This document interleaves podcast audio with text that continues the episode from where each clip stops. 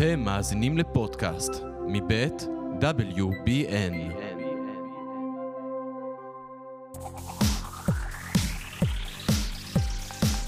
טוב, אה, אלעד... למה אתה אה, צועק? לא יודע.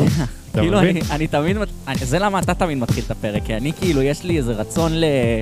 נכון. לעשות משהו גרנדיוזי, ואמר- ועכשיו אתה כאילו היית לא מרוכז, אז אמרתי, אני אתחיל את הפרק, לא, אבל... אבל זה טעות. אבל זה נראה לי טעות. ככה מאזינים נוטשים, הם באים, הם פותחים פרק, הם אה, שומעים שצועקים טוב. עליהם, שומעים שצועקים עליהם. אה, לא, אני לא לוקה, תסדר בעריכה, אני תסדר בעריכה את הצעקה, אני לא תוריד. רוצה להיות במרחב שצועק עליי. זה נכון, זה נכון. מה שלומך, אלעד? אה, לא נפגשנו הרבה זמן. ברוך השם, ברוך השם, האמת, אה, האמת, טוב, טוב, חזרתי לכושר. או, זה חשוב.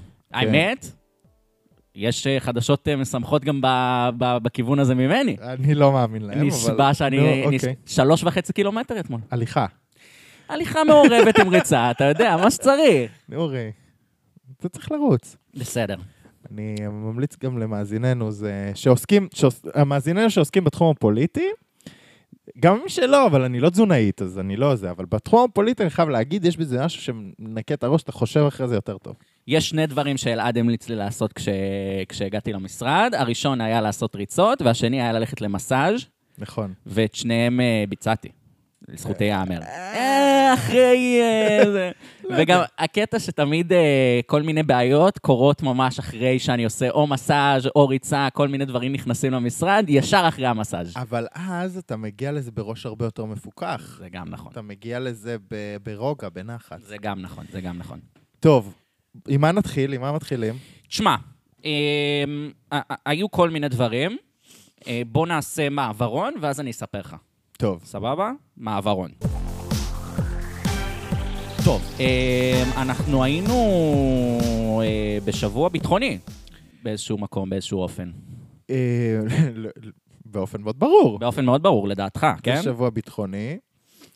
אה, תראה, יש פה מישהו במשרד שמגלגל תיאוריה הרבה זמן, שהמעבר בסקרים אינו קשור לרפורמה, הוא קשור לב- לביטחון. אה, קוראים לו אורי צירלין. אני רוצה להוסיף על זה שהוא לא קשור רק לביטחון, שיש בו לדעתי גם נגיעות, אגב, של הביטחון הכלכלי, הביטחון האישי והביטחון הלאומי. אה, אני חושב שאלה שלושה, שלושת הפרמטרים הביטחוניים הרלוונטיים. ואני חושב שלא בכדי, הפעם הראשונה שראינו את הגושים נשברים, הייתה אמנם בהק- בהקשר הרפורמה, אבל אחרי הפיטורים של גלנט. כי שם הייתה תחושה של אה, פגיעה בביטחון. ואני חושב שהשבוע הזה ממשיך אה, לשדר את אותו הגל של פגיעה בביטחון. אה, אני חושב שזה הדבר שמערער על הממשלה יותר מהכל. ואני חושב, ותסלח לי, אבל שגם המשך העיסוק של הקואליציה ברפורמה, בהפגנות ענק, אה, שהייתה אגב הפגנה מאוד מוצלחת, אבל באיזשהו שלב, אני זוכר, אתה זוכר את המשפט הזה של צביקה פוגל, ששאלו אותו למה אתם לא משיבים להטיל, להטילים מעזה, והוא אמר, "אה, אנחנו פרה פרה, אנחנו קודם צריכים להעביר את הרפורמה.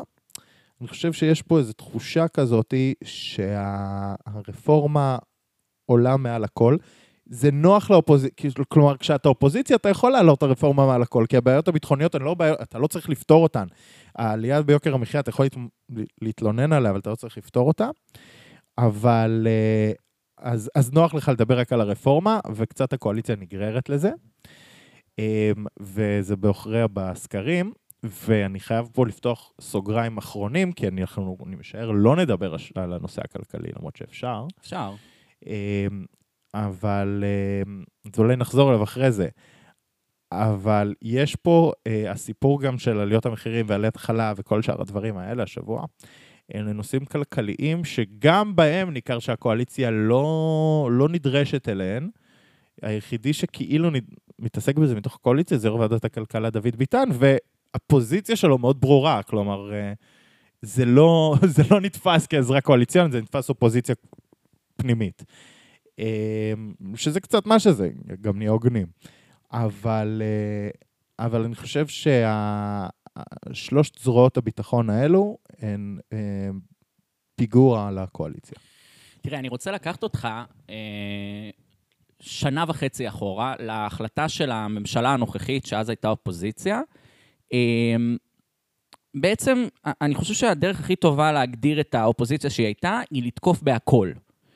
אמ, אני חושב שאפילו היום, כשאתה מסתכל, כשאתה מסתכל על כל אופוזיציה שהייתה לנתניהו, וגם אה, אופוזיצ, האופוזיציה היום, היא אופוזיציה קצת יותר עניינית. אה, כן, יש... אה, אתה אומר את זה כאילו כמחמאה, אבל בעיניי זה לא... זה לא מחמאה, זה לא אוקיי. מחמאה, חלילה. כי בעיניי זה זה- זה הכישלון שלה. אני יודע. אבל האופוזיציה הזאת שהייתה, והיא הייתה באמת הכי חריפה בסטייל הזה, היא הרימה את הרף מאוד מאוד גבוה. גם בציבור הבוחרים וגם בתפיסה הכללית. זאת אומרת, ברגע שהוקמה הממשלה הזו, ואיך שהאופוזיציה התנהלה בשנה וחצי, ההבטחות שהועפו לאוויר והסיסמאות וכל הדברים שנאמרו, שמו רף מאוד מאוד גבוה לממשלה הזאת. עכשיו, הבחירות שנערכו, על אף איך שההיסטוריה ככה הופכת את זה ופה ושם, הם לא היו על הרפורמה המשפטית. הרפורמה המשפטית לא נוהל באמת דיון ציבורי עליה במהלך הבחירות. הבחירות ומה שהביא את הציונות הדתית להפוך להיות גוש כל כך כל כך חזק בממשלה הזאת, זה הביטחון האישי וההרגשה שממשלת בנט ולפיד לא סיפקה אותה. האם זה מבוסס בעובדות וכו', זה לא משנה. זו הייתה התחושה הציבורית, וזה מה שהגדיל את בן גביר וסמוטריץ'. הנחיתה על הקרקע מאותו רגע, כשאנחנו מסתכלים על הנתונים, עלייה בנרצחים, עלייה באירועים ביטחוניים בגדה המערבית, עלייה בירי הרקטות, ירי רקטות מלבנון, כל זה בשלושה חודשים. הממשלה הזאת שהבטיחה לשנות, מרעה את התנאים, הופכת אותם לרעים יותר.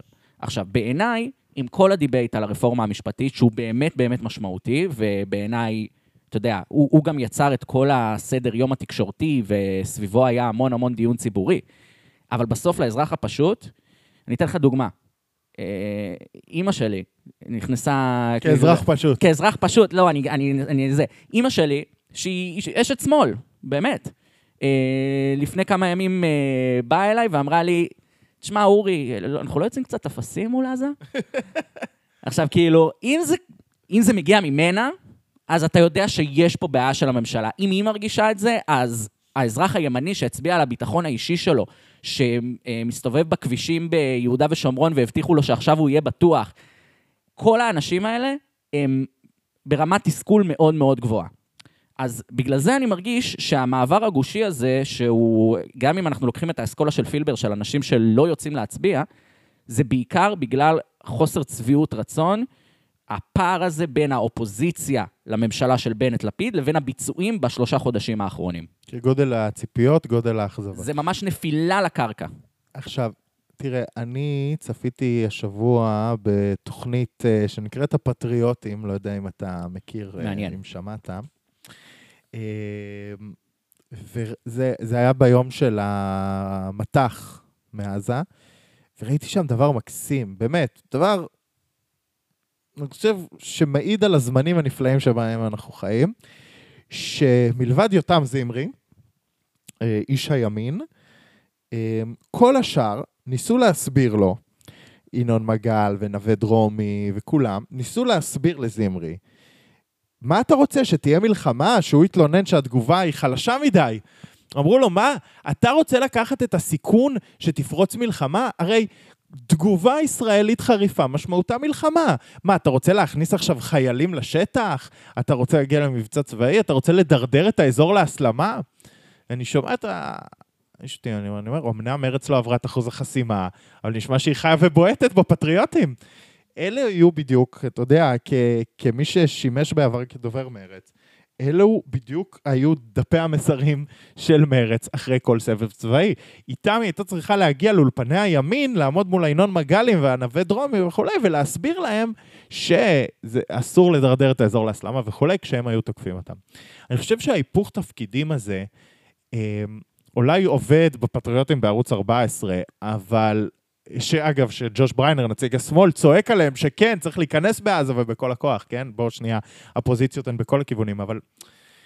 אה, ההיפוך תפקידים הזה אולי עובד בערוץ 14, אולי עובד באקו צ'מבר המאוד מאוד מצומצם, שהולך עם אה, נתניהו והליכוד בכל מחיר. אני מסכים איתך שהוא לא, הוא, הוא לא חוצה את הרף הציבורי. אמ, ו- וזה שם את הממשלה הזו בבעיה, ואפשר מפה לגלוש לנושא הבא שלנו, כי אני חושב שמי שמבין את זה אה, יחסית טוב, זה מי ש... שבאמת, עם כל הכבוד למה שאמרת, באמת לא נבחר על הנושא המשפטי, אלא על נושא הביטחון האישי. הוא נבחר נטו וזה על זה. איתמר בן גביר. הוא נבחר על זה, ואני חושב שזו אחת הסיבות שהירידה הכי גדולה בסקרים, באחוזים, היא שלו. כלומר, אה, אה, אה, בן גביר, מעולם, לא, לא בדקנו את כוחו לבד, כן, אבל כשראינו סקרים עם כוחו לבד לפני הבחירות בשמונה, תשעה מנדטים, ואנחנו רואים אותם עכשיו בערך בארבעה, ואנחנו מבינים שהוא יורד בכוחו בערך בחצי. אה, וזה עוד לפני שהתחיל בחירות והתחיל איגוף אה, מכל מיני כיוונים אחרים. ואני חושב שהוא מתחיל להבין את זה, ולכן הוא נכנס לסכסוך עם הליכוד. ואם אתה שואל אותי, בן גביר נמצא עכשיו... אז אה, רגע, רגע, בוא, בוא, אם אנחנו? עוברים לבן גביר, נעשה מעברון. בסדר. יאללה, מעברון. טוב, פשוט אה, תמשיך מאיפה. שהיית. הכרעה סופר דרמטית לקריירה שלו. אני חושב שאם הוא מתקפ... אם... עזוב שנייה מה הייתי ממליץ לו לעשות, כי גם לזה יש לי זה, אבל ציבורית, אם הוא נתפס, נתפס ציבורית, כמתקפל בפני אה, נתניהו, חוזר על ארבע ולא עושה כלום, הוא... הוא קיבל מכה מאוד מאוד מאוד קשה. אם הוא נתפס ציבורית כמי שפירק את ממשלת הימין, הוא גם מקבל מכה מאוד קשה, כי הוא נתפס כמי ש- שאי אפשר לסמוך עליו, ששלושה חודשים וזהו, והוא לא... אדם כל כך לא אחראי. ואם הוא מצליח במידה מסוימת לייצר איזה נרטיב שהוא שינה את מדיניות הביטחון של מדינת ישראל, הוא, הוא מרוויח מאוד בגדול. אה, הוא נמצא בצומת שהיא לא חיובית לו. אפשר להגיד שהוא הלך קצת רחוק מדי עם, ה... עם האיומים שלו, שגר... שגרמו לו עכשיו להיות במצב שצריך לעשות צעד דרסטי. כן. צריך לעשות צעד מאוד דרמטי, כי לאיים כל כך חזק ולחזור כל כך על ארבע, זה, זה, זה יפגע בו מאוד. תראה, קודם כל בוא, בוא רגע נעשה את הסיכום של האירועים, רק ש, שכזה נהיה באותו, באותו קו. הדבר הראשון שקרה זה אירועים ביטחוניים, אחרי זה אה, בן גביר עושה ישיבת סיעה בשדרות, אומר שהעוצמה יהודית לא תצביע אה, בכנסת עם הקואליציה. מיד לאחר מכן נתניהו מוציא הודעה סופר חריפה, אה, אני חושב שהחריפה ביותר מאז שהוקמה הקואליציה. ארחיק ואומר, החריפה ביותר מאז ימי גנץ, שבו הוא מאשים את, אה, באופן רשמי את בן גביר בזה שהוא חותר תחת אה, נתניהו כביכול בנושאים ביטחוניים, ואומר שאם הוא לא מעוניין, שהוא מוזמן להתפטר מהממשלה. מיד לאחר מכן אה, בן גביר בישיבת הסיעה שלו בשדרות מגיב ואומר שעוצמה יהודית לא תצביע ביחד עם הקואליציה בכנסת, ו... לא, לא, לא חוזר בו מהאיום, ואף מגדיל ואומר שאם נתניהו רוצה, שיפטר אותי. ככה מחזיר באותו מטבע uh, על האשמה בפירוק uh, ממשלת הימין, זה הוויכוח המשמעותי. זה הבליים גיים מי פירק. כן, זה אבל כאילו- זה נ, נ, נראה על סף פירוק. נכון, עכשיו, מה, בואו קודם כל נבין רגע את המצב עכשיו, אוקיי? אני חושב שהמצב עכשיו משול לבן גביר אה, תומך מבחוץ בממשלה, אבל עדיין יושב על כיסאו. וזה מצב מעניין. תשמע, אה, יש להגיד, אנחנו לא מצביעים עם הקואליציה, אבל אנחנו כבר ראינו ח"כים שעולים היום לרעיונות מעוצמה יהודית, שהם אומרים שהם יבחנו כל הצעה. עכשיו, זה בדיוק תמיכה מבחוץ. אממה, כשאתה תומך מבחוץ, אתה בדרך כלל מתפטר מהתפקיד שלך בשולחן הממשלה, אתה לא נושא באחריות מיניסטריאלית. אז בן גביר מחזיק פה את החבל משני הצדדים. הוא גם מחזיק באחריות מיניסטריאלית, וכל השרים האחרים מחזיקים באחריות מיניסטריאלית, וגם הוא מחזיק שוט על הקואליציה בכך שהוא מתנה הצבעות בכנסת. עכשיו, מבחינת בן גביר, לדעתי, המצב הנוכחי הזה, אפס לא כזה גרוע. כאילו, הוא תמיד יוכל להגיד, תקשיבו, זה המחיר, אם לא מקיימים את ההחלטות הביטחוניות שלי, אני לא מצביע עם הקואליציה בכנסת. אני עדיין משפיע בזירה הביצועית, אני נשאר בשולחן הממשלה. כאילו נותנים לו את כל מה שהוא צריך כדי למצב את עצמו בצומת הציבורית הזאת. אם אני בן גביר ומאפשרים לי, אני נשאר בזה. כן, אבל, אבל זה, זאת דילמה שכבר מגיעה עם הכדור לידיים של נתניהו, והוא צריך להחליט אם הוא נותן לבן גביר להמשיך להתפרע לו על הראש, כי בלי בן גביר יש רוב... הקטע הנפלא הוא שבלי בן גביר יש רוב קואליציוני, אבל אין 61. נכון. כלומר, אפשר להמשיך לחוקק, יש 58, ב- ב- בניכוי בן גביר, לא בהעברת בן גביר צד. בניכוי בן גביר זה 58 מול 56. אמ, זה אומר שאפשר להמשיך לחוקק, אבל מה? לדוגמה תקציב, חייב 61. וכבר אנחנו שומעים איומים על התקציב. אמ, עכשיו, אם אה, בן גביר יאיים על התקציב, אז נתניהו יהיה בבעיה. אם נתניהו יפטר את בן גביר, נתניהו יישא באחריות מאוד מאוד משמעותית בתוך הבליים גיים הזה העתידי. ולכן אני מסכים שבן גביר נמצא היום בסיטואציה שאם הוא יעז לשמר אותה, היא לא רעה לו בכלל, כי הוא יכול להיות בעמדה סחטנית מאוד כלפי הקואליציה, לסחוט בתקציב, אה, לסחוט אה, הצבעות מסוימות. רוב אה, כזה דחוק של 58-56 הוא דחוק מאוד. הוא יכול אפילו לאיים בהצבעה עם האופוזיציה בכל מיני נושאים שמוציאים אותו טוב, שלא בהכרח סיפוח יעברו. בקעת הירדן. כן, פתאום סיפוח בקעת הירדן. עכשיו, זה, זה לא יעבור גם אם בן גביר יצביע עם, עם האופוזיציה. ולמה? כי לאופוזיציה, צריך לזכור, יש אה, עשרה מנדטים של החברה הערבית. ועוד אה, אה, עבודה שלא ועוד ארבעה תצביע מנדטים של אולי. העבודה, ולכן בן גביר יכול גם להצביע עם האופוזיציה, גם להפיל את הקואליציה, וגם כאילו לצאת גדול. בן גביר יש לו פה הזדמנות לצאת מאוד מאוד מאוד גדול בתוך הקהל שלו, אבל צריך להבין את ההשלכה של הדבר הזה. זה לא בר קיימא ארבע שנים, זה גם... זה בר קיימא אולי ארבעה חודשים. אם בן גביר ימשיך לשחק את המשחק הזה, מי שיפרק את הממשלה זה נתניהו. נתניהו לא יוכל לשאת ממשלה כזאת, או שהוא ינסה להכניס גורמים מבפנים. גנץ השבוע מבהיר שהוא לא נכנס, לא יודע אם זה שווה הרבה, הוא כבר הבהיר את זה בעבר ונכנס, אבל לא הייתי ממליץ לו, כלומר בוא, בוא נסתכל על הסקרים, האחרון שיש לו אינטרס להציל את הממשלה הזאת זה גנץ. אלא אם כן מציעים לו את אה, כיסא ראש הממשלה במיידי. כן, אבל אני זו לא... האופציה היחידה שבה שווה לו להיכנס לממשלה. רוטציה, רוטציה. רוטציה עם אה, ביטחונות, מה שנקרא. כן. חתימה עם- של דרעי. עם ערבות מדרעי. בקיצור, אתה מבין, לגנץ לא שווה לעשות את זה. ו... ולכן, אם בן גביר משחק את המשחק הזה, הממשלה הזו נופלת, אני לא חושב שזאת אופציה. אה, וכאן השאלה, אם בן גביר מוכן ללכת עד הסוף, להפיל את הממשלה, ומה שנקרא, לזכות בזה שהוא יוכל להתמודד בבחירות הבאות עם טיקט טוב, או שהוא מחליט אה, להישאר נאמן לממשלה, ולדעתי, אם המשבר נפתר במרכאות ובן גביר חוזר, בן גביר בבעיה. כן, וגם צריך להוסיף לזה את המצב האישי של בן גביר. זאת אומרת, התפיסה שלו כשר לביטחון לאומי, הקריסה שלו, גם ציבורית, אל מול אה, משבר הפשיעה שמתפתח בימים, בחודשים האחרונים.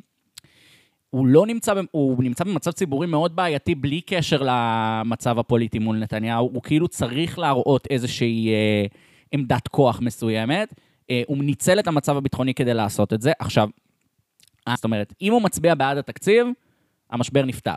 וה- והתקציב צריך לעבור בכנס הנוכחי. עכשיו, זה אומר שיש לנו עכשיו, כמה זמן הכנס הזה? כמה- מתי צריך להעביר את התקציב בעצם? אתה רואה? זה למה צריך פה עיתונאי. זה בדיוק הבעיה.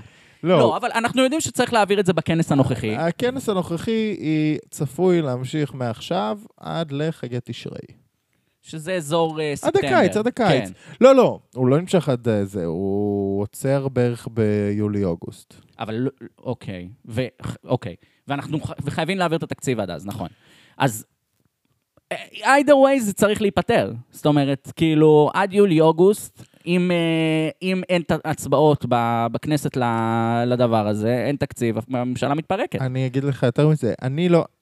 כשעשינו פה את פרק החירום, אחרי פיטורי גלנט, והזה, והצהרת נתניהו, וחשבנו שהממשלה הזאת עוד שנייה נופלת, אני אמרתי לך, אנחנו נכנסנו לאירוע עידית סילמן פורשת מקואליציית בנט. ואני עדיין מאמין בעמדה הזאת. עידית סילמן פורשה מקואליציית בנט, זה לא שיום למחרת אה, ישראל הלכה לבחירות, אבל התהפך שעון החול. היה ברור שמעכשיו אנחנו סופרים את השניות עד לפירוק הממשלה, ולא סופרים את השניות עד לסוף אה, כהונתה. ה- ה- הטבעית. עד ל... היה ברור שאנחנו... בוא נגיד ככה, היה ברור שיש פה מחלה סופנית והמוות לא יהיה טבעי, והשאלה כמה זמן אה, אפשר אה, להחזיק את החולה. וזה זה היה הפרישה של עידית סילמן דאז. ואני חושב שפיטורי גלנט, למרות שהם כאילו נושא עבר והיסטורי, היו שעון החול הזה. כי היה ברור שהממשלה ברגע הזה, ועם הסקרים ועם כל מה שקורה, מתחילה להיות על קירי תרנגולת, וכל צד ינסה לחפש את הצד שמוציא אותו יחסית טוב, אה, ושיש פה בעיה. ו... ואני חושב, בהמשך למה שאתה אומר, שאתה אומר זה חייב להיפתר עד התקציב. אני אומר לך שאם זה לא נפתר עד התקציב, זה לא משנה התקציב או לא התקציב. נתניהו לא יכול למשוך שלושה חודשים עם, עם uh, מצב שיש לו סיעה בכנסת שעובדת, נ- בקואליציה שעובדת נגדו ומאיימת עליו על כל פר הצבעה, אם היא תבוא, אם היא לא תבוא. Um, על מדיניות הביטחון שלו גם. זהו, זה, כלומר, זה הנושא החשוב. זה לא תמורת, אה, אתה יודע, בממשלה הקודמת, אם נמשיל שוב, גנץ עשה את אותו איום, והסיעה שלו החליטה לא לבוא להצביע, על פנסיות תקציביות ל... אה, לאנשי צבא, לאנשי קבע. זה, זה משבר פתיר. כלומר, מחר אתה מכנס את האנשים בחדר, אתה מוצא מתווה, והלאה. נתניהו לא יכול לייצר מתווה ביטחון מתווה הביטחון שירצה את בן גביר. של איתמר בן גביר. זאת אומרת, אה, איתמר בן גביר הוא לא שר הביטחון, הוא אצבע בקבינט, ותו לא. עכשיו, הוא צודק במידה מסוימת שהוא מנהל, דיברנו שהוא מנהל משבר על מדיניות הביטחון, אבל אני לא רואה, רואה איזשהו מתווה שאפשר לתת לו, ואם נתניהו ייתן לו מתווה, אגב, זהו, זה הבעיה האמיתית. זאת קריסה זאת קריסה לנתניהו. מוחלטת. זאת אומרת, בואו רגע נדבר. עצם העניין שחבר ממשלה אה, מתנה את אה, הצבעותיו בכנסת בשינוי מדיניות הממשלה שהתוו שר הביטחון וראש הממשלה של ישראל, וזה לא מביא את ראש הממשלה להגיד, אתה מפוטר, זה כבר מצב חריג ומוזר. אבל זה הכי קרוב לאתה מפוטר שהוא נכון, לתת. זה הכי קרוב למפוטר שהוא יכול לתת, ו- ואגב, אה, נתניהו מותח פה קו אדום. זאת אומרת, אי אפשר, אי אפשר לה... הוא היה יכול לעשות יותר, אבל יש מתיחת קו אדום. עכשיו, והוא אני- צודק. הוא ברור שהוא צודק. אה, אה, אי אפשר לתת, אי אפשר לתת, אה, אתה יודע, יש נושאים שבהם לחצים פוליטיים הם פשוט, הם, הם אסורים, גם בציבוריות הישראלית. זה למה הפיטורים של גלנט הם, הם כל כך היו משמעותיים. ברגע שאתה מכניס את, ה, את הנושא הביטחוני, את החשיבה הביטחונית, את, ה, את שליחת בנינו לקרב לתוך המשחק הפוליטי, אתה מפסיד. ואני חושב שנתניהו נכווה מזה פעם אחת, ואני חושב שנתניהו לא רוצה להיכבות מזה פעם שנייה. אם רק ייראה, באמת, אפילו למראית עין, שהוא משנה את מדיניות הביטחון שלו כדי לרצות את בן גביר, זה אסון לנתניהו. אגב, נותן מצב היפותטי, עוד שבוע וחצי, שבועיים, נתניהו מחליט, יוצאים למבצע גדול בעזה. לא יכול יותר לשאת את זה. לא יכול לשאת יותר את מצב הטרור בעזה. איך אזרחי ישראל יכולים שלא לשימור הקואליציה? הוא נכנס למצב מאוד בעייתי פה. זה, הוא מוחזק אה, ערובה תחת נושאים ביטחוניים. וזה מצב מסוכן גם פוליטית, אבל גם ציבורית, וגם צריך להדאיג קצת. כן, אבל אני חייב להגיד לך שבמדינת ישראל נושאי ביטחון הם מעל הכל. כלומר, אתה מצפה, בצדק, בשבחך כיועץ, שאם מחר, אם עוד שבוע נתניהו יוצא ממבצע בעזה, תפקיד האופוזיציה היה להגיד, זה מבצע בן גביר. מבצע המדיניות שלו לצורך שימור הקואליציה, בלה בלה בלה בלה בלה, כל דף המסרים. הראשון שיקפוץ ויגיד, אנחנו מגבים את הממשלה בכל דבר ביטחוני, נה נה נה, יהיה גנץ. נכון. לא, לא יעז ללכת למחוזות האלה. לפיד ייגרר אחריו. אה, אולי אחמד טיבי יגיד את הדף מסרים שלך. ובזאת, יש לנו, אין מה לעשות, בישראל, ולא בטוח שהם יטעו, אגב, כי נכון, נכון, כי בישראל, כי זה, בישראל- יש איזה קטע כזה שאתה צריך להיות מאוחד בעת קרב. זה... בעת קרב אתה, אתה מתאחד, זה, זה הסיפור הקבוע.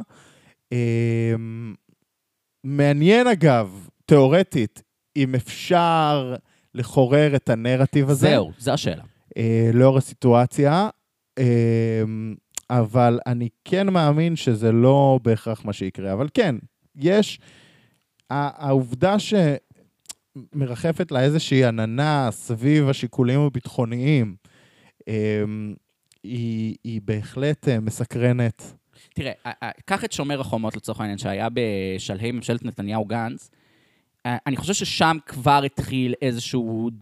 אני חושב שתמיד יש, אתה יודע, את אלה שקופצים בטוויטר ואומרים, נתניהו תמיד יש לו איזה אירוע ביטחוני כשהוא צריך אותו, משהו כזה. זה לא חודר באמת את הזירה הציבורית. אתה רואה ציוץ שניים בנושא.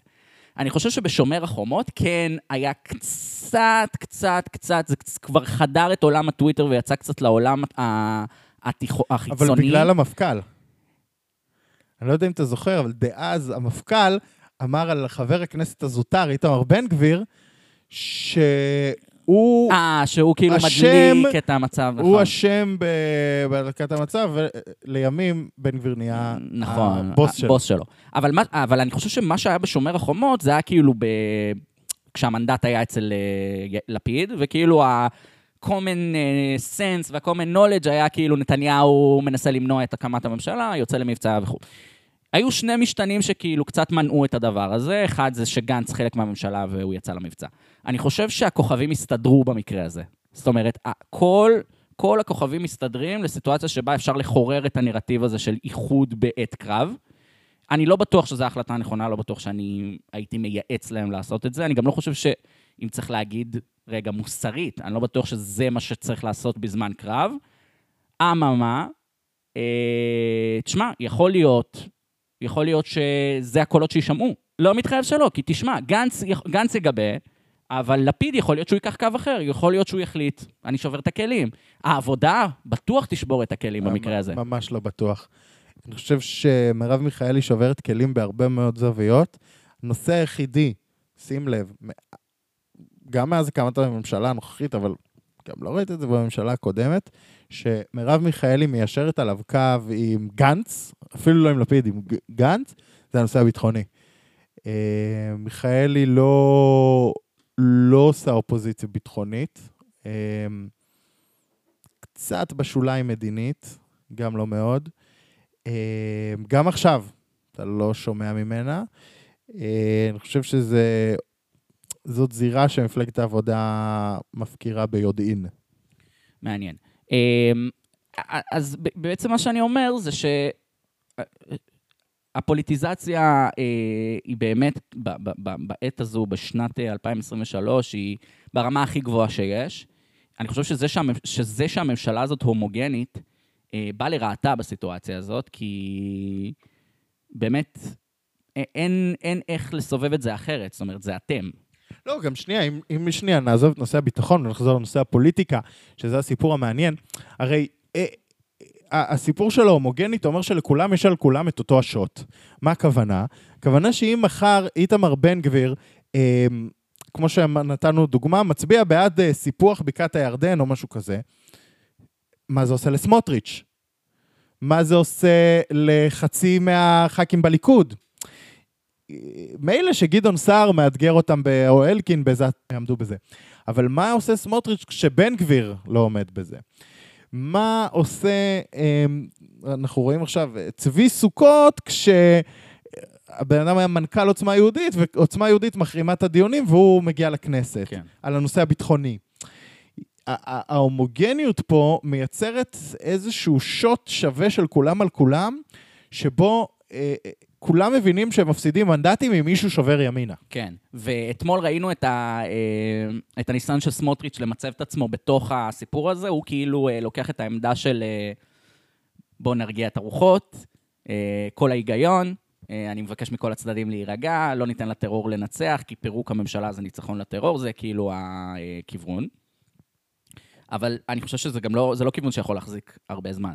אה, לא, הוא גם לא סמוטריצ'י. הוא לא סמוטריצ'י, זה לא, זה כאילו, אתגורי הממשלה, אה, אין ספק שזה לא יכול להחזיק ככה. נכון, אבל עוד פעם, אני אומר לך, גם, גם את זה אתה צריך לזכור. בן גביר נתפס בתור ילד רע, אה, גם בתוך הימין אומרים הוא התבגר. כלומר, לא אומרים לך, הוא תמיד היה... זה אומרים לך, הוא התבגר, הוא כבר לא ככה. הוא נתפס, בת... הדימוי הציבורי שלו, החלק השלילי של הד... זאת אומרת, זה קצת אותו דימוי, אבל החלק החיובי של זה אומר, הוא לא רואה בעיניים, הוא, הוא יחזיר את הביטחון כי הוא לא רואה בעיניים, כי הוא יראה להם מה זה, כי, כי אין לו קווים אדומים. והחלק השלילי של זה אומר, הוא, הוא, הוא משוגע כאילו, הוא מסוגל להפיל את הקואליציה, הוא לא בוגר. אם הוא, הוא לא יתעלה על מה שנקרא התבגרות שטוענים שיש לו ויפיל ממשלה אחרי שלושה חודשים, גם זה יבוא מאוד לרעתו בדימוי הציבורי שלו, של בן אדם שלא היה מסוגל לעשות את ה-one step ולהפוך להיות מאופוזיציונר צועק לשר. כן, זה ממש בין הפטיש לסדן. ולכן, אה, בן גביר, תיארנו כאילו נמצא באיזו סיטואציה מצוינת, אבל בואו נסגור גם את החלק השני, את מה שאמרתי בתחילת דבריי. רוב הסיכויים של בן גביר לצאת לא טוב מהמשבר הזה. כי או שהוא יצטרך להתקפל, או שהוא יפרק קואליציה, אמ, ואו סיכוי נמוך שהוא יצליח לעשות את כל התיאוריה שדיברנו עליה עכשיו, שהיא אחלה ועושה לו מאוד מאוד מאוד טוב, אבל הסיכוי של זה, של זה להצליח הוא נמוך יותר. נכון, והוא גם צריך, אה, יצטרך לעמוד באיזה מין מכבש לחצים אה, מאוד מאוד גדול בשלושה חודשים האלה כדי לצלוח את זה. אה, תראה, עמדנו במצב די דומה גם במשבר הביטחוני הקודם. אז, אז נראה שנתניהו כן נתן לבן גביר משהו, נתן לו את המשמר הלאומי. זה היה גם בהקשר ביטחוני. לא, זה היה בפירוק של הרפורמה. נכון.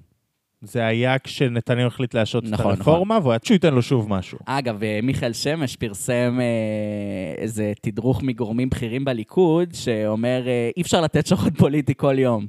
בן גביר כבר, בן גביר כבר לקח את השוחד הפוליטי שלו לחודשים האחרונים, ואי אפשר לתת את זה כל יום. תראה, מבחינת הליכוד, הם לא יכולים להתפשר פה. זה אין, אין אופציה של התפשרות פה, זה all in, ואני חושב שכשנתניהו הוציא את ההודעה הזאת, הוא הבהיר את זה. אין להם אופציה אחרת, פשוט אין להם. ועוד פעם, בגלל זה אני חושב שההודעה של נתניהו לא כזאת רעה, כי אני חושב שבסוף בן גביר ייאלץ לחזור, זאת אומרת, התרחיש שאני רואה, זה בן גביר אומר, תפטר אותי, תפטר אותי, נתניהו לא מפטר אותו, ובן גביר צריך להחליט מה הוא עושה, ובינתיים נתניהו, אם, בוא נגיד, אם נחזור לנתניהו הישן והטוב, מתחיל קמפיין פנימי ימני, בן גביר מחזק את ממשלת הימין, בן גביר לעשות זה היטב, הוא עשה את זה לא מעט פעמים. אגב, סליחה על הרפרנס שפוגע בנפשותיהם של הרבה מאוד מאנשי ימין, אנחנו זוכרים את הקמפיין הזה על סמוטריץ', כשסמוטריץ' סירב לקבל את רע"מ בממשלה. נכון. את, נכון. היה שם קמפיין מאוד אכזרי פנימי ימני כלפי סמוטריץ'. אה, נתניהו יודע לעשות את זה, זה מה שנתניהו לדעתי צריך לעשות. ואגב, מעניין לראות אם הוא יעשה את זה, כי... תראה, היה סקר מאוד מעניין אצל עמית סגל. זה תמיד מעניין לראות את uh, הסקרים בטלגרם, שאני... בטלגרם. כי זה, עמית בדק גם מבחינת נתונים, והוא אומר שאצלו בערוץ יש 80 אחוז ימנים. זה לפי הנתונים של עמית. ותמיד אה, זה יפה להסתכל על הסקרים שם ולראות את הסנטימנט הימני. אז אתמול זה היה מדהים לראות, כי המצביעים הימנים היו עם בן גביר. אה, להבדיל מאיזה 50 אחוז שאמרו בהצלחה לשני הצדדים, הרוב של אלה שכן הייתה להם דעה מאוד, וזה מדגים את התסכול שדיברנו עליו בחלק הראשון של התוכנית, ש... שבאמת אני חושב ש...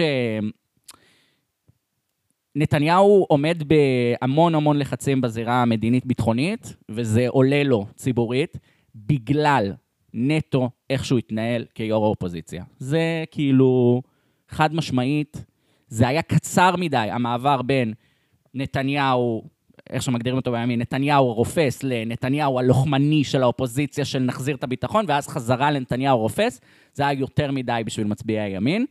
אה, ואני חושב ששם, שם זה נקודת החולשה שלו, ויכול להיות, המהלך הזה של בן גביר דווקא ללכת על הביטחוני כנקודת השבר, יכול להיות שזו החלטה חכמה, להבדיל מהמשבר המשפטי, שעוד יש בו, אתה יודע, כאילו שני צדדים, צריך לתת זמן להידברות, אתה יודע, יש את, גם באנשי הימין יש את אלה שבעד העצירה, אני חושב שאם תזכור את אנשי הימין בנוגע למצב הביטחוני, 80% מהם התנגדו לצעדים של נתניהו.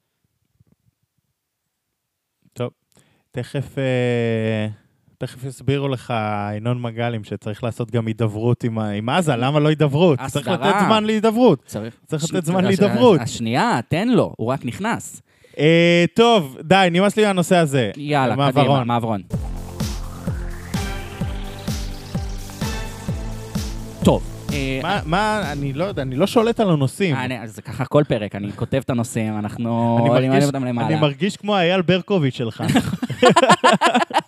אוי, זה נורא מצחיק, שהוא יושב כזה, אין לו מושג מה ה line-up. אופיר הבא מסודרת, תוך כדי, למה הבאת לי את האורח הזה? וואי, יפה, השוואה טובה. כן. טוב, אה, יש לנו, נחבר שני נושאים, התנהלות האופוזיציה ופתרון אפשרי להתנהלות האופוזיציה. אה, קודם כל, בוא, בוא רגע נדבר על איך האופוזיציה התנהלה סביב אה, המשבר הביטחוני, מה, מה תחושותיך לגבי... לא, אה, דווקא במשבר הביטחוני הם התנהלו בסדר. מה שנקרא, נתנו לימין להרוג את עצמו. נתנו גיבוי. נתנו גיבוי. היה אגב ברור שזה ייגמר באיך שזה נגמר, ולכן עכשיו הם יכולים להגיד בדיעבד, אנחנו נתנו גיבוי, ואתם לא עשיתם עם הגיבוי הזה שום דבר. אה, הסנטימנט הציבורי נמצא שם, אה, אני חושב שזה, שבזה הם שיחקו מצוין. איפה לא? קודם כל, בואו נדבר על הפגרה. אנחנו עכשיו מסיימים פגרה, חזרנו לכנסת. היה לנו פה סיכומים יפים של הפגרה, פרק מאוד מוצלח עם בלצי רובין אה, מסרוגים, אה, שמה שסיכם את הכנס הקודם. פגרה היא לא חופש. אתה יודע, יש איזה אה, סיפור ציבורי כזה שאנשים מדברים, כאילו החברי כנסת האלה הם לא עושים כלום, יש להם מלא חופשים בשנה, יש להם זה. ותמיד אני צריך להסביר להם שפגרה היא לא חופש, זה פגרה מ- מלחוקק, אבל לחבר כנסת יש עוד הרבה מאוד עבודות והרבה מאוד דברים. אבל איכשהו נראה שהם, אה, שלא ככה מקרה הפעם, הם יצאו לחופש. לדוגמה, סתם, דיון 40 חתימות. דיון 40 חתימות זה דבר שאתה אוסף בזמן פגרה, ואתה מכריח את המליאה להתכנס כדי לדבר על נושא דחוף. נגיד דירוג האשראי של ישראל, נגיד uh, המצב הביטחוני, נגיד מיליון ואחת דברים שקרו תוך כדי הפגרה, והאופוזיציה לא השתמשה אפילו לא פעם אחת בקלף הזה של 40 חתימות כדי לעשות את זה. זה היה פשוט מדהים. עכשיו, סיימנו את הפגרה, חזרנו בכל הכוח למושב. אנחנו רואים למה אף אחד לא מביא הצעת חוק פיזור הכנסת. אלמנטרי. אף סיעה לא מודיעה, אנחנו נביא השבוע פיזור הכנסת, קצת לאתגר, קצת להיכנס לתוך עומק המשבר, להשיג קצת רעיונות, להשיג קצת תקשורת. אני אמשיך. אה, החלב, הפה, השם, למה אף אחד לא מביא את הקמפיין הנפלא של רפורמה ביוקר המחיה? ישראל צריכה... אתם מתעסקים במשפטי בזמן שהאנשים קורסים. צריך, הרפורמה האמיתית היא רפורמה ביוקר המחיה, שתכלול 1, 2, 3. ועדת חקירה פרלמנטרית, כלי שלא משתמשים בו במוש... ב- ב- ב- באופוזיציה בכלל, זה הכלי הכי מאתגר בעולם, כי אתה יכול להעלות ועדת חקירה פרלמנטרית מהיום למחר. זאת אומרת, אתה צריך uh, תוך כמה ימים, אז אתה יכול להביא ועדת חקירה תמיד על נושא שהוא חם בסדר היום, לעומת הצעת חוק, שאתה צריך uh, חובת הנחה וזה, ואם אתה רוצה להטריל באמצעות הצעת חוק, ייקח בערך 90 יום, אתה יכול להגיש ועדת חקירה פרלמנטרית על הפשיעה בחברה הערבית. על אה, עליית אה, מחירי המזון, אה, התייקרות הזה, ועדת חקירה פרלמנטרית על ההתנהלות. כל מיני דברים כאלה, כלי שלא נעשה בו שימוש. לא ברור לי מה עושים שם באופוזיציה, ועכשיו אנחנו רואים את הסקרים שהאופוזיציה עולה, וכביכול סותרים אותי שהנה עובדה, אם האופוזיציה עולה, זה אומר שהם מתנהגים יפה ומתנהגים טוב. אבל בואו שנייה, בוא שנייה נבין את הנתונים האלה של הסקרים. כי בעיניי הם לא כל כך זוהרים כמו שהם נראים. הם בעיקר נראים שהאופוזיציה האזרחית מצליחה, שהימין מתעצבן מהימין ולא רוצה יותר להצביע לו, ושיש איזשהו מעבר גושי אה, יחסית לגנץ. אבל בפועל, יש עתיד שמובילה את האופוזיציה, יו"ר האופוזיציה, קורסת, כי את נעלמת. אני לא זוכר כמעט תקדים כזה למצב שבו הממשלה קורסת ויו"ר האופוזיציה נופל גם. מעניין, נכון. זה, תק- זה, זה אולי, תקנו אותי אם אני טועה, זה בעיניי תקדים שהוא מטורף. אה, מפלגת השמאל היחידה, העבודה, אין, אין מרץ, אין עוד מפלגה משמאלה. לא עובר את אחוז החסימה. כאילו, אה, איך? באמת, איך? אה, גם ליברמן, למרות כל המשבר דת ומדינה, שזה כביכול הנושא שלו, לא מצליח להתרומם מהסיפור הזה. אה, אם אתה... ואתה יודע מה, אפשר גם לנהל שיח פנימי על החברה הערבית, שזה עוד חלק מהאופוזיציה, שגם לא מצליח, שלמרות המשבר העמוק שם, אתה לא רואה איזה פעולות יוצאות דופן, או, או קמפיין, או משהו ש... ש... אז, אז אני כאילו...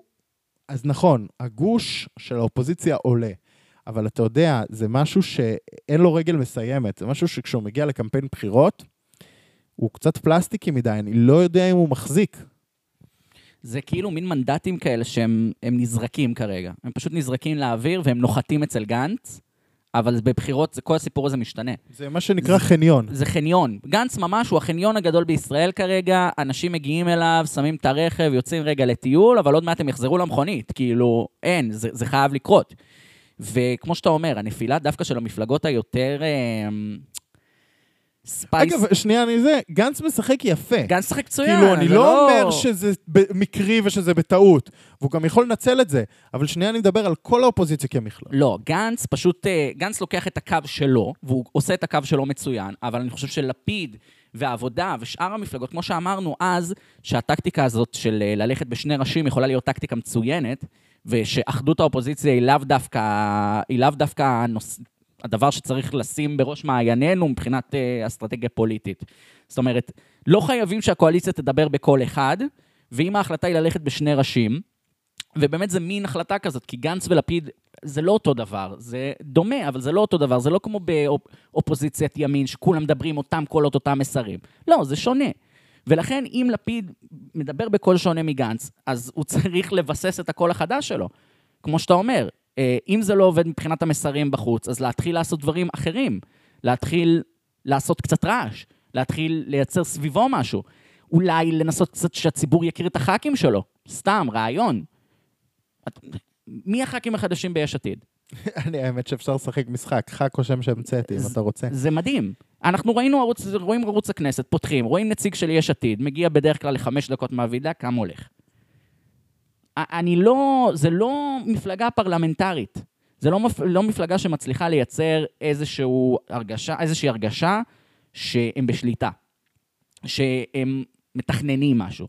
וזה שראש המפלגה מסתיר במרכאות את הח"כים שלו, שאין להם נראות ציבורית, שאתה מכיר אולי, באמת, ואנחנו פריקים של פוליטיקה, אבל בשם ובמראה אנחנו מכירים אולי שבעה, שמונה, תשעה ח"כים ממפלגה שהיא 20 מנדטים. זה לא הגיוני. אבל זה תראה, לא הגיוני. הנה, בעבודה הם כולם מאוד בולטים וכולם מאוד זה, ועדיין המפלגה לא עוברת, כי בסוף יש, זאת אומרת, הם צריכים קצת, אה, מה שחסר הוא, הוא הדבר באמצע לש, לשתיהן, אגב, בהקשר הזה. זאת אומרת, אה, מפלגה, ופה המפלגה, אני לא יודע אם עובדת יפה, אבל אין, אין אסטרטגיה כוללת שמסייעת לח"כים. אבל יש, אה, לא יודע, מנה, אני, אני עבדתי פעם בכנסת, יש מנהלי סיעות שמכירים טריקים פרלמנטריים, זה צריך, מנהל סיעה זה דמויות שהן כאילו לא מוכרות לציבור, הן לא, הן לא ח"כים, אבל הן יודעות להגיש ויודעות uh, לזהות טריקים פרלמנטריים, הן נמצאות שם שנים, ויש, uh, לעבודה, אגב, היה מנהל סיעה מעולה, מעולה, טל אלוביץ', שעזב, אני לא יודע מי נמצאת היום, אבל uh, ניכר שהוא עזב, בוא נגיד זה ככה. Uh, יש כאילו, אה, לא ברור לי, מה, למה לא יוזמים? אגב, סתם שאלה, ראית איזה קמפיין ציבורי, בדיגיטל אפילו, נגיד בדיגיטל, איזה משהו שבלט של אחת המפלגות. לא יודע. ושם נכנסות אה, כל, אה, כל אה, מה שנקרא חברה אזרחית, שפשוט משתלטת על השיח לחלוטין, אה, ו- וממלאת את הנפח הזה שאין בו את הפוליטיקאים, אבל מצד שני, זה מייצר מצב שבו פשוט, עוד פעם, אין את הפרצופים. אין את הפרצופים. ו- וסליחה על זה שאנחנו גולשים לנושא אחר, אבל גם בחברה האזרחית, איזה פרצופים אתה רואה? אה, מאוד בולט הקמפיין של הח"כים לשעבר, ובוגי יעלון, ודן חל, עוד המון לשעברים. אין פה הצמחה של איזשהו מנגנון שיכול לבנות מחנה, שיכול לנצח את ה... את ה... מה שנקרא, יש פה מחאה אופוזיציונית מדהימה, מדהימה.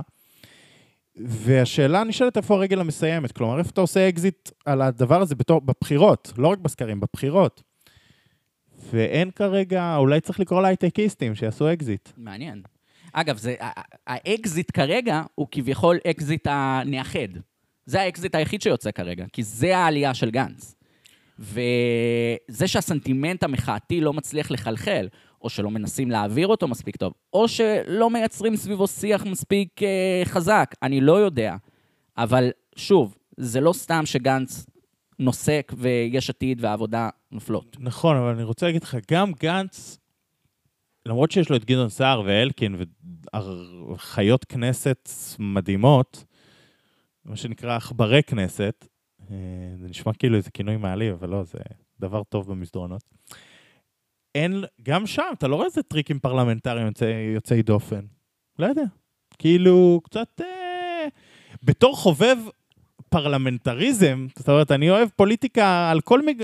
מגוון שלה, גם את הטריקים הפרלמנטריים והטרלות חוק וזה. אתה לא רואה את זה, זה פשוט לא קיים. המחאה קיימת אך, אך, אך ורק ברחוב.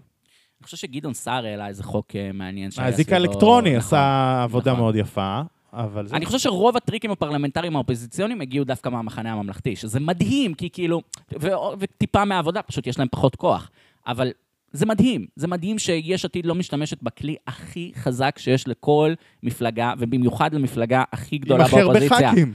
זה כאילו, זה מדהים, זה מדהים, זה מדהים, זה מדהים. אני לא מבין איך אפשר להתנהל ככה, אבל זה חלק מה-DNA של המפלגה.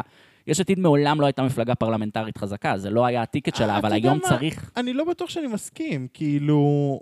היה דווקא, אני חושב שהדבר היפה מאוד ביש עתיד, זה שאין שם איזה חילוף יוצא דופן של הרבה מאוד דמויות חדשות. כלומר, לפיד פעם אחת בנה ארסנל של דמויות חדשות שמעולם לא היו בפוליטיקה, הוא עשה את זה ב-2012, ומאז 11 שנים הוא רץ עם אותו, עם אותו ארסנל. כלומר, אה, אה, אה, כמעט, כמעט, אורנה ברביבאי אולי נכנסה חדשה, רם בן. מבחינת הבכירים. כן, אבל בסוף בסוף זה כמעט אותם אנשים. רצים הרבה מאוד זמן. זה נכון שעכשיו, מירכתי הספינה, מה- מאחורה, פתאום נכנסו הרבה מאוד דמויות שלא הכרנו, פעם קודמת בגלל הנורבגי. אבל לא יודע, שאולי מישהו יעשה להם איזה, יצמיד להם איזה משהו שיודע ללמד אותם לעבוד, אני לא יודע. כן. טוב, הלאה, בסדר, די, נמאס. נמאס, אה, די למרמור. אה, כן, אה, הכל, הכל בסדר. קודם כל, אמ, קצת יותר ביטחוני מפוליטי, אז התייחסנו לזה. אמ, מה הנושא הבא? נושא הבא, יש לנו זמן לעוד נושא? אני מרגיש שאנחנו בחריגה מטורפת. מה הנושאים שכתבנו? בוא נחליט. לא, יש עוד נושא אחד שרציתי להצמיד, מה ששלחו לנו. אז אה, בוא... זה אני לא יודע אם נספיק. זהו, אז בוא, בוא נדחה את זה לשבוע הבא, וקודם כל נגיד, אה, אנחנו מקבלים הצעות לכל מיני דברים לדבר עליהם בפודקאסט, כל מיני דברים שבמקרה הזה, זה גם דבר שרצינו לדבר עליו בלאו הכי, אז אה, תודה שאתם שולחים... ממשלת הצללים. ממשלת צללים, נגיד. אם שבוע הבא יהיה משעמם, אז נ- נרחיב על זה. נרחיב על זה. על דעתנו בנושא. אה, תמשיכו לשלוח, אה, מוזמנים לפנות אלינו. אתה יודע מה, אבל אני רוצה להגיד משהו. בבקשה, תגיד. לא, כי זה נגיד, נרחיב בפעם הבאה, אבל נגיד ממשלת צללים. אה, שנייה נסביר למאזינים שלא מכירים, באנגליה זה דבר מאוד מקובל בפרלמנט, שהאופוזיציה מרכיבה, מר- מרכיבה ממשלת צללים. מה זה אומר? זה אומר שעל כל אה, אה, שר בממשלה, מצמידים מישהו באופוזיציה שעושה לו אופוזיציה על הנושא הזה, הוא כאילו שר אלטרנטיבי. לדוגמה, שר רווחה, אז נותנים למישהו... נעמה לזימי להיות שרת הרווחה. שרת הרווחה של של האופוזיציה, בסדר? נותנים ל... לא יודע, בני גנץ להיות שר הביטחון שלו. כאילו, והם תמיד עושים אופוזיציה אחד לשני על הנושאים אה, שלהם, וזה הכל בתיאום, וזה קורה נורא יפה. קודם כל, יש בעיה אחת עם האופוזיציה הזאת, שהיא לא תצליח לחלק את השרים בין, זה בין נכון, עצמה. זה נכון. היא, כל אחד ירצה זה, כן? אבל שנייה, שים את זה בצד. תמנו כמה, כאילו, נגיד זה... תמנו ארבעה. כן. תמנו ארבעה. ח"כים בפני עצמם יחליטו שהם עכשיו מתלבשים ועל, על איזה שר מסוים ומגדילים את עצמם. אתה יודע, אני, אחת התופעות, נגיד, שבנו אותה מאוד פוליטית, אתה זוכר את uh, סתיו שפיר, היא הייתה... אה, יושבת בוועדת כספים. יו"ר ועדת כספים אה, כן, צללים. כן, אז לא יודע, ת, תדבקו למשהו. כאילו, מה קורה לכם? טוב, זהו, פעם הבאה נרחיב על ממשלת צללים. כן, זה לדעתי אחלה. אבל ת, תמשיכו לשלוח נושאים, תמשיכו לשלוח נושאים. אה, כן, אנחנו לפעמים יושבים פה, ואתם יודעים, מנסים לחשוב על נושאים. לפעמים משעמם, נגיד השבוע. היה משעמם, אבל כן. הצלחנו למלא. תן. הצלחנו למלא, אפילו לדעתי עשינו פרק אה, ארוך מהממוצע. לא, לא, אנחנו- לא? לא, אנחנו קצר מהממוצע. עברנו את השעה? עברנו לא, את השעה? לא, לא לא. עברנו את השעה? לא, היה לך כנראה. משעמם מאוד, וואו. אבל בסדר, גם זה. בוא, אה, תודה ללוקה. תודה. ללוקה, תודה לכולם, שיהיה שבוע נפלא וכיף. תודה לאורי צילן. ביי. תודה אלעד וולף, ביי ביי.